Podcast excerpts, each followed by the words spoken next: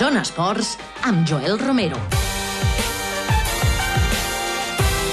Doncs minut i mig per sobre del punt de les 8 del vespre, temps per qui us parla, per aquest júnior del Zona Esports com és Joel Romero, acompanyat de tot un tècnic all com és Ricard Porcuna als controls de so. Avui aprofitarem per parlar, evidentment, del partit que tot just començarà d'aquí una mitja horeta aproximadament entre el Virtus Bologna, un dels grans equips, un dels mítics del bàsquet europeu, precisament contra el Morabanc Andorra, per veure si es refan una miqueta de la desfeta de l'altre dia contra Herbalife Gran Canària. Més enllà d'això, també analitzarem una mica el que va deparar el partit d'ahir de la selecció selecció contra Islàndia i per últim comentarem amb Nadia Tudor el seu nou rècord, en aquest cas d'Andorra en els 200 metres braça. Per tant, no perdem temps, som-hi!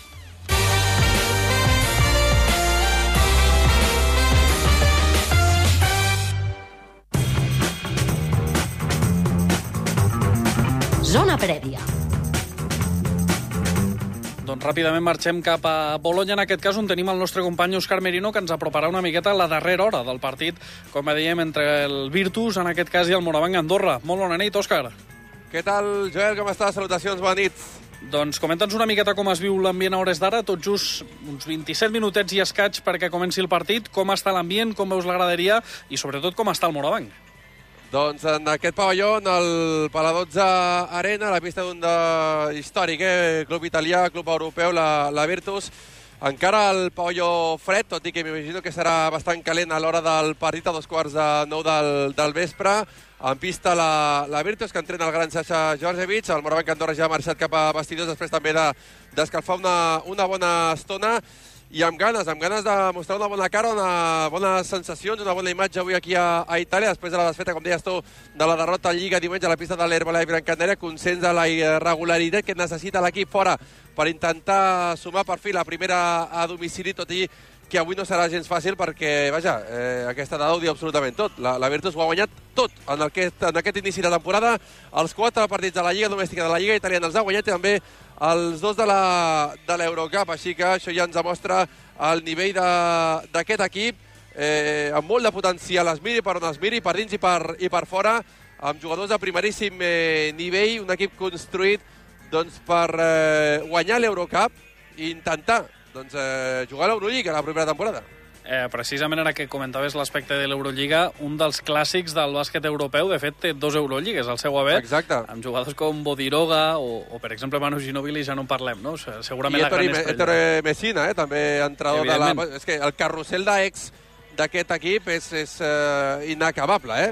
eh? Ara parlàvem amb un company de premsa d'aquí, ens parlava dels uh, derbis calents entre la, la Fortitudo uh, i la Virtus. Són do, dos històrics i que avui, o aquí almenys es juga el, el bàsquet, doncs una mica com, la, com a la bombonera, amb molt d'acord, eh, potser no tant amb cap, però sí molt d'acord aquí a, a Itàlia, amb aquests derbis apassionants. I vaja, eh, a veure de què és capaç avui la, el Morabanc Andorra en aquest eh, pavelló molt calent. Avui, insisteixo, no, no està plen ni de bon tros. Encara queda doncs, eh, mitja hora el comptada perquè això comenci però, vaja, molt, molt bé ho haurà de fer avui el Morabanc Andorra, però vaja, eh, de fet ho acabo de piular, eh, Joel. Sí, el Morabanc Andorra va ser capaç de ser el primer en derrotar el Barça en Lliga, per què no? Avui ser els primers en derrotar la Virtus aquesta temporada. De fet, també seria la primera victòria fora de casa, no? Sí, exacte. De moment, tres partits fora, a València, a la pista de l'Herbalife Gran Canària i a Mònaco. Tres partits fora, tres derrotes. Doncs, eh... I a eh, casa tot el contrari, tot el que s'ha jugat a casa s'ha guanyat, així que esperem avui que arribi aquesta primera victòria a domicili. Doncs estarem pendents precisament de totes aquestes informacions i de la prèvia que, com he dit, començarà d'aquí uns 10 minutets aproximadament amb el company, amb l'Òscar, aquí ja acomiadem. Òscar, moltíssimes gràcies i moltíssima sort, que cantis la primera fora de casa. Tant de bo, quan tu ens ho deixis, nosaltres arrenquem amb la prèvia d'aquest partit, partiràs entre la Virtus i el Borbanc Andorra. Fins ara. Fins ara.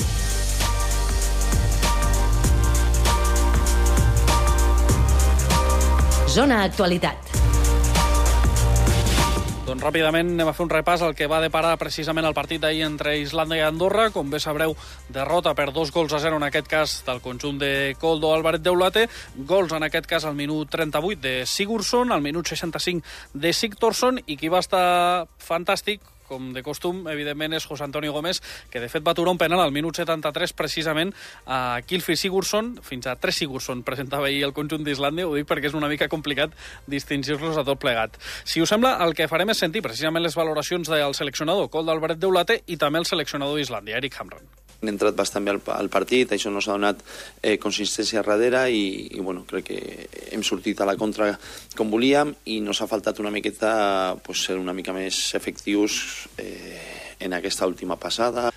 No estic sorprès. They, they, they Ells juguen amb el cor tota l'estona i ho han demostrat al llarg de tot el partit. Nosaltres hem estat millors conforme han better anat passant els minuts. Evidentment, el que no es va poder aconseguir ahir és aquesta primera victòria, o en aquest cas el primer punt fora de casa, però evidentment Coldo Albert també va tenir paraules per això. Crec que l'equip, eh, un dels objectius o de los reptes que tenia al començar aquesta fase era ser un equip millor fora de casa, un equip més competitiu fora de casa i crec que lo està demostrant. Ho comentàvem abans, eh, l'equip jo crec que va mostrar una molt bona versió durant molts minuts. Eh, de fet, eh, la victòria escueta, de fet van perdre per menys gols que no pas aquí a Andorra, ja demostra una miqueta el tarannà del partit, tot i que, com bé dic, un dels grans protagonistes, evidentment, va ser novament José Antonio Gómez, que després de la gran aturada que va fer a Moldàvia, eh, o contra Moldàvia, millor dit, i en aquest cas aturar un penal a Griezmann a l'estat de France, també va lluir-se novament, en aquest cas a Islàndia, aturant un penalti, com dèiem abans, a Kilfi Sigurdsson, el jugador de l'Everton, amb la qual evidentment, José Antonio Gómez un dels grans protagonistes. El sentirem amb ell i també a Jordi Alaez i a Àlex Martínez. La confiança que, que està agafant la, la selecció els últims partits ens dona per, per poder jugar la pilota una miqueta més, per poder fer les coses, les quatre coses que, que ofensivament treballem bé i la veritat que, que en aquest sentit contents, pot ser una mica fastidiats amb el resultat, sempre ens agrada poder competir fins al final, poder intentar sumar algun punt, però jo crec que, que Islàndia és una, una gran selecció que, que s'ho mereix, que eh, físicament so, sobretot ens ha passat per sobre i toca felicitar-los. Sobretot la primera part hem sortit molt bé, hem sabut competir, quedar-nos les pilotes, eh, no perdre sobretot la primera passada que ens dona molt joc, això.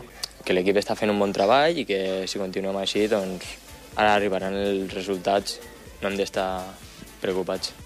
Doncs Andorra precisament que tanca aquesta nova aturada de seleccions amb una victòria, en aquest cas contra Moldàvia, que va cantar un servidor, i la derrota ahir contra Islàndia per dos gols a zero. Els propers compromisos seran el 14 de novembre, on la selecció viatjarà a Albània, i el 17, que jugaran aquí contra Turquia a l'Estadi Nacional.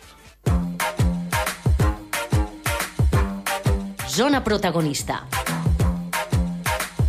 Doncs eh, sempre ens fa molta alegria precisament comentar bones notícies i aquest cap de setmana se n'ha produït una com és un nou rècord d'Andorra en natació, concretament en els 200 metres braça en piscina de 25 metres i la protagonista no podia ser una altra que Nàdia Tudó, qui ja ens escolta. Bona nit, Nàdia. Hola, bona nit. No sé si tu esperaves, evidentment, eh, tenint en compte que has rebaixat la marca gairebé, si no vaig errat, 6 segons aproximadament, em sembla que no hi arriba, eh, suposo que ja t'ho esperaves, no? Com a mínim la buscaves. Sí, um, la veritat, no vaig tenir l'ocasió de nedar el 200 braç en piscina curta la, sema, la, la, la temporada passada i vaig fer un temps en llarga de 2.37, és a dir, m'esperava baixar del 2.37 en piscina en curta, de la diferència del 50 al 25, Mm? però, bueno, ara mateix físicament tampoc estem, bueno, estic treballant molt i doncs com m'esperava, però potser tampoc no tan bé. Eh, és a dir, tot i no estar en el teu punt òptim, perquè ens entenguem de preparació, has estat capaç de baixar un rècord d'Andorra en gairebé 6 segons. Sí, estem en fase de volum, diguéssim, no? Portem des de bueno, finals d'agost entrenant i fins ara que no vinguin, bueno, tinc els nacionals d'Alemanya al novembre i els europeus al desembre, no baixarem una mica el volum i aleshores doncs, podrem veure fins on realment som capaços d'arribar. Eh, per posar un context, aquest rècord pertanyia a la Tània Sallés de la, des de l'any 2000, és a dir, s'ha plogut bastant des de, des de que es va fer el rècord. Eh, M'agradaria demanar-te perquè precisament, si no vaig errat, aquesta marca et permet entrar al Campionat Nacional d'Alemanya, que era un dels grans objectius de la temporada.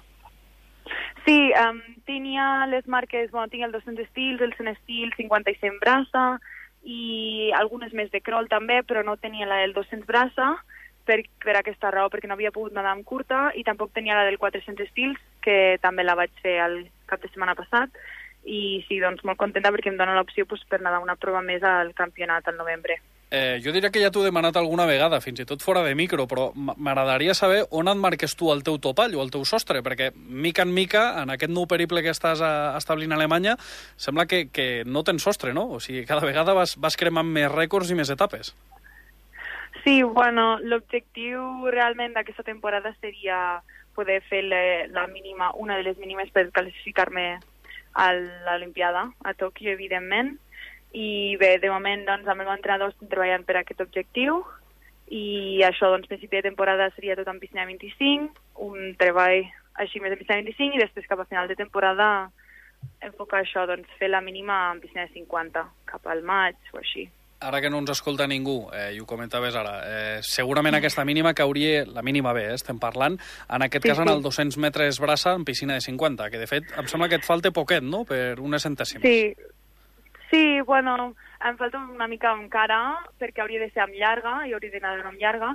Um, estic mirant de poder-ho fer amb el 200 braça, amb el 100 braça potser em seria més fàcil, o amb el 200 estic, són les tres proves que, quan hem parlat amb el meu entrenador, que potser que puc ap- apostar doncs, per intentar fer aquesta mínima bé.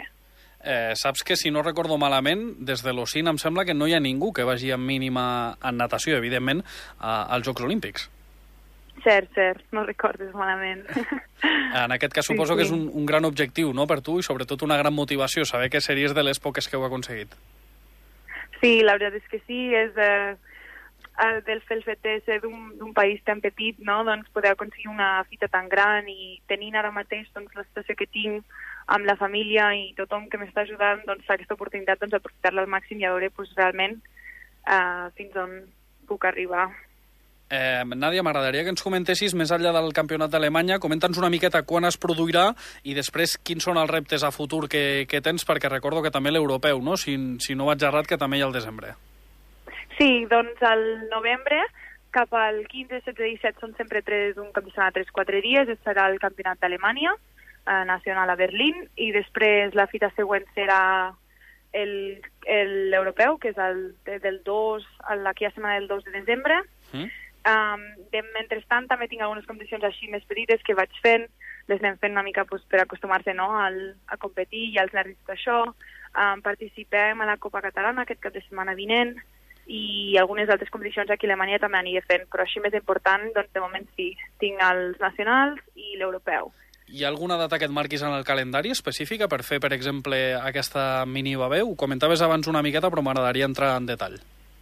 Eh, sí, més o menys hi ha un altre europeu en piscina 50 al maig, doncs la idea doncs, seria classificar-me per aquest altre europeu i eh, seria una opció de poder fer la mínima en aquella competició i també estic mirant amb les competicions del Mare Nostrum, que és com un trofeu que es celebra Mm? entre Barcelona, Mónaco um, i Canet, a França, i doncs eh, són tres competicions que em donaria, doncs, per no tenir només una oportunitat, tenir-ne més d'una, doncs on enfocaria per intentar fer la mínima. Doncs, eh, Nàdia, agraeixo evidentment que hagis atès la trucada, perquè sé que tot just em sembla que fa poquet que, que s'acaba l'entrenament, eh, i evidentment desitjar-te moltíssima sort en el que queda de temporada, que de ben segur que aconseguiràs aquesta mínima, i ens faràs molt feliços perquè ja tenim a la Mònica Dòria, en aquest cas confirmaríem també una altra plaça olímpica per Tòquio 2020. Nàdia, moltíssimes gràcies i molt bona nit. Moltes gràcies, bona nit.